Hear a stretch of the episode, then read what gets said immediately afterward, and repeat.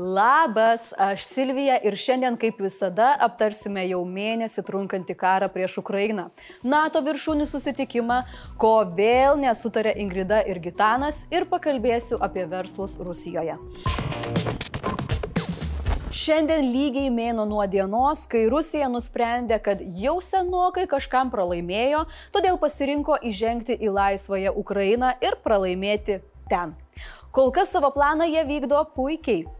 Herojai kontratakuoja. Ukrainos kariuomenė sudavė smūgį rusų pozicijoms netoli Kyjivo ir nepatvirtintais duomenimis atsiemė Makarivo ir Moščiūno gyvenvietės. Yra sakoma, kad niekada neatsibosta žiūrėti į degančią ugnį ir tekantį vandenį. Prie šio sąrašo galima pridėti ir degančią rusų karinę techniką. Štai kaip skrebučių virto okupantų tankas. Ukrainiečiai galėjo grožėtis, kaip Ukrainos šiaurėje buvo iš dalies sunaikinta ir iš dalies užgrobta rusų įsibrovelių aprūpinimo kolona, o Ukraina pasieks daugiau ginkluotės.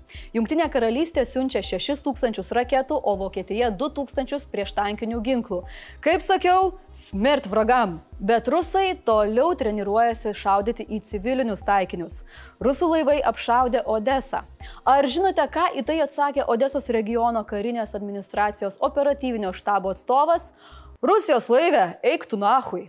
Kalbant apie laivus einančius aiškia kryptimi, ukrainiečiai gerai padirbėjo jūroje ir okupuotame Berdenskė sunaikino okupantų karo laivą Orsk, galinti gabenti iki 20 tankų, 45 šarvuotus transporterius ir 400 desantininkų. Ar sakiau, ar jau minėjau, kad niekada neatsibosta žiūrėti į degančią rusų karinę techniką? Dabar netokios geros naujienos. Per atakas prie Luhansko žuvo keturi žmonės, šeši buvo sužeisti. Rusija suaktyvino oro antskridžius Ukrainoje. Pagrindiniai taikiniai ir toliau buvo karinė ir civilinė infrastruktūra Kyjivo, Černychivo ir Harkivo regionuose. Melitopolyje rusų okupantai Ukrainos oro uoste statosi karinę bazę, iš kurios leidžia raketas į miestą. Tęsiasi darybos dėl atsikeitimo belaisviais. Rusija į nelaisvę paėmė apie šimtą žmonių. Rusijos federacija paprašė gražinti jos jūreivius, kurie skendo Jodojoje jūroje ir kuriuos išgelbėjo ukrainiečiai. Jei atsiemimas įvyks sėkmingai, ukrainiečiai susigražins gyvačių salos vienuoliktuką. Taip, taip, tuos, kurie pasiuntė laivą ir tada pateko į nelaisvę. Ir tokia keistesnė naujiena. Jau daugiau nei dvi savaitės Rusijos valstybinėme eteryje ir viešuosiuose protokoluose nematyti dviejų pagrindinių jėgos bloko veikėjų - ministro Šoigų ir generalinio štabo vado Gerasimovo. Viručiai dingo kaip į vandenį. Sklinda gandai, kad botoksinė bunkerio keulė vykdo raganų medžioklę savo vidinėme rate. Žurnalas Foreign Policy pranešė, kad Rusijos generolai yra verčiami užimti geresnės pozicijas mūšio laukuose, todėl rizikuoja būti užpulti. Gal artimiausiu metu sužinosime, kad Šoigu su Gerasimovu krito mūšyje, o gal bus rasti nusižudę. Ir nors Kremlius bandė įrodyti, kad su Šoigu viskas yra ok, tačiau vaizdo pokalbėje su Putinu būtent Šoigu transliacija kažkodėl keistai trukinėjo. Na, o jeigu norite gauti naujienas pirmieji, prenumeruokite mus. Ir gausite tas naujienas pirmieji. O jei patinka tai, ką darome, tai kodėlgi neparemus mūsų platformoje Contribui? Būsim labai dėkingi. Briuselėje vyko neeilinis NATO viršūnių susitikimas. Jame alijanso vadovas Jensas Stoltenbergas teigia, kad įsiveždamas į Ukrainą, Putinas padarė didelę klaidą. Anot Jenso, kuris NATO vadovo poste liks dar metams, Putinas nuvertino Ukrainos žmonių stiprybę, drąsą ir jų ginkluotasias pajėgas. O kaip stiprybė ir drąsa atrodo žmogiškajame pavydale, savo akimis galėjo pamatyti NATO atstovai, kai į juos vaizdo ryšių kreipėsi ne kas kitas, o Volodymyras. Volodymyras Zelenskis. Prezidentas ragino vakarus suteikti Ukrainai neribotą karinę pagalbą, pridurdamas, kad Ukraina tiesiog nori išlikti ir išgelbėti savo žmonės. Ir dar.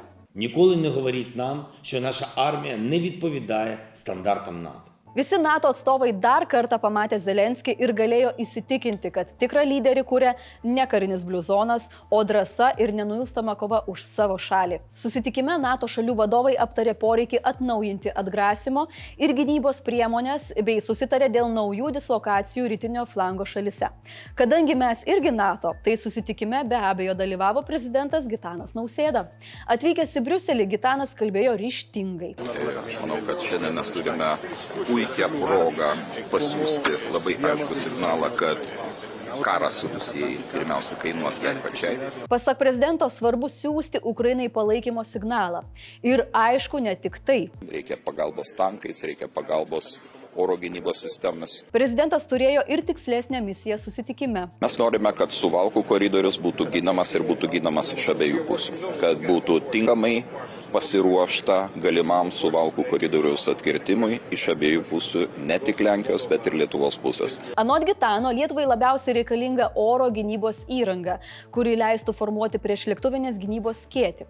Jeigu yra skeptikų, kad NATO dabar ne iki mūsų ir nieko čia mums netieks, tai prezidentas nuramina. Kol kas dėja mes vis dar apie tai kalbame tariamąją nuosaką, tačiau, kaip sakoma, lašas po lašo ir akmenį pratašo, tai mes jį pratašysim.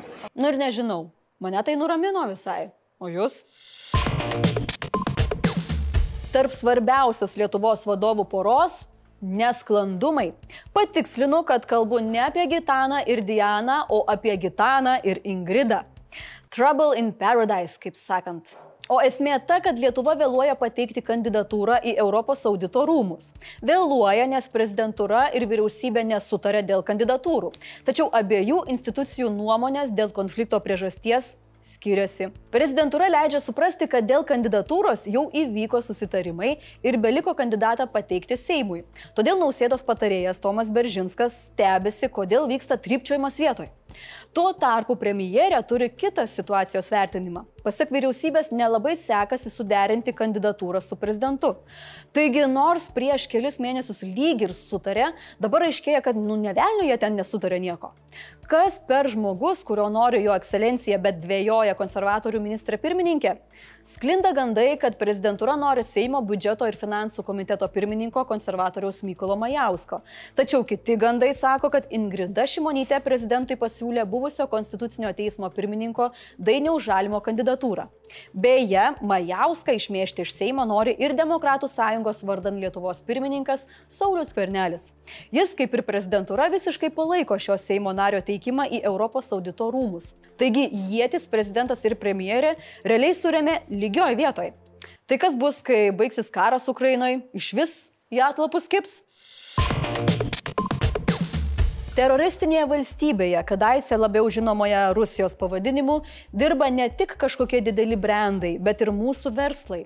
Ir užsienio reikalų ministras teigia, kad tai nieko gero. Bet turime būti nuoširdus ir iki galo, dėl to, kad turime ir lietuviško verslo, kuris dar Rusijoje sėkmingai veikia. Ir tiesą sakant, tai mūsų argumentus šiek tiek pasilpina reikalaujant, pavyzdžiui, vakarietiškų įmonių, kad jos atsisakytų Rusijoje verslų. Taip, taip, kol jūs rašote piktus komentarus po Nestle, Renault ar kitų brandų įrašai socialiniuose tinkluose, tokie verslininkai kaip Matijo Šaičiai sėkmingai kala babkės toje pačioje Rusijoje. Paklaustas, ką mano apie faktą, kad kai kurios valstybinės institucijos perka elektrą iš rusiškos įmonės Interrao ar degalus iš Lukoilo permaskoto į Viadą, Gabrielius turėjo atsakymą. Manau, kad atsisakymas ir spaudimas atsisakyti kontraktus Rusija yra teisingas dalykas ir, ir, valstybė, ir valstybės institucijos tame dalyvauja. Jo nuomonė, kai kurios įmonės paprasčiausiai susidurs su sunkumais atsiskaityti už sutiktas prekes arba paslaugas. Tai jei nutraukti sutartį neįkvėpia Rusijos agresiją, gal šis punktas privers permastyti dalykus. Premjerė irgi mano, kad dirbti su tokiomis įmonėmis nereikėtų. Manau, kad uh, turėtų, todėl kad nežinau, ar tiekėjas galės užtikrinti elektros tiekimą. Vėlgi, jei neįtikina moraliniai dalykai, lieka elementarus pragmatizmas. Tai jeigu tiekėjas negali biržoje tiekti elektros, tai kokia sutartis su juo galėtų, galėtų galioti? Tai negalės galioti sutartis. Tuo tarpu Landsbergis mano, kad iš Rusijos dar vis galime pasipelnyti. Esmė tokia. Mes primam darbuotojus iš Rusijos čia į Lietuvą. Jie pradeda dirbti Lietuvoje, o tuo met... Mokės mokesčius Lietuvai.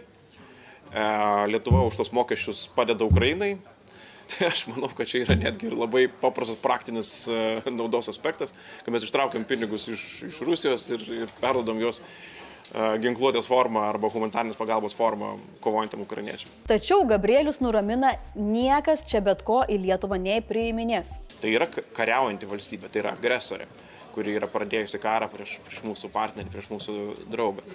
E, Dėl to mes, mes atsargiai žiūrim. Tiesiog visiems prie sienos į Lietuvą lotynišką abecėlę reikia rodyti.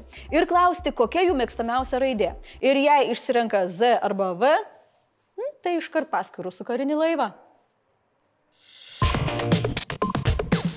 Blitz naujienos.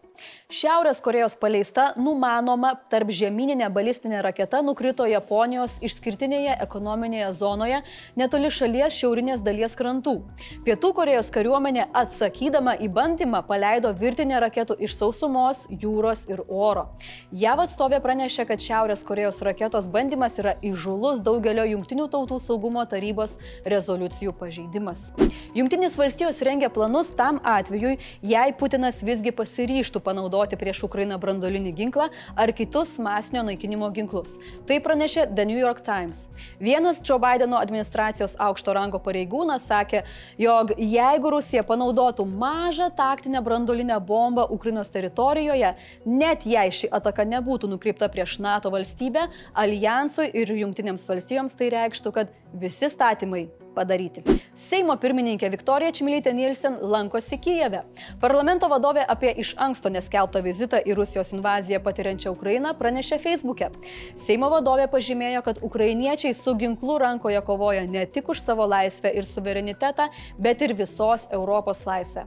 Ukrainos aukščiausioje radoje Nielsen lankėsi su Latvijos ir Estijos parlamentų vadovais. Visiems virtuvėje reiktų vat tokio atsidavusio pagalbininko.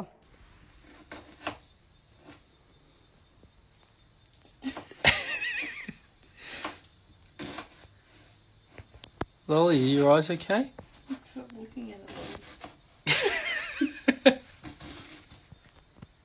Gražaus visiems artėjančio savaitgalio, saugokit save ir tiek žinių.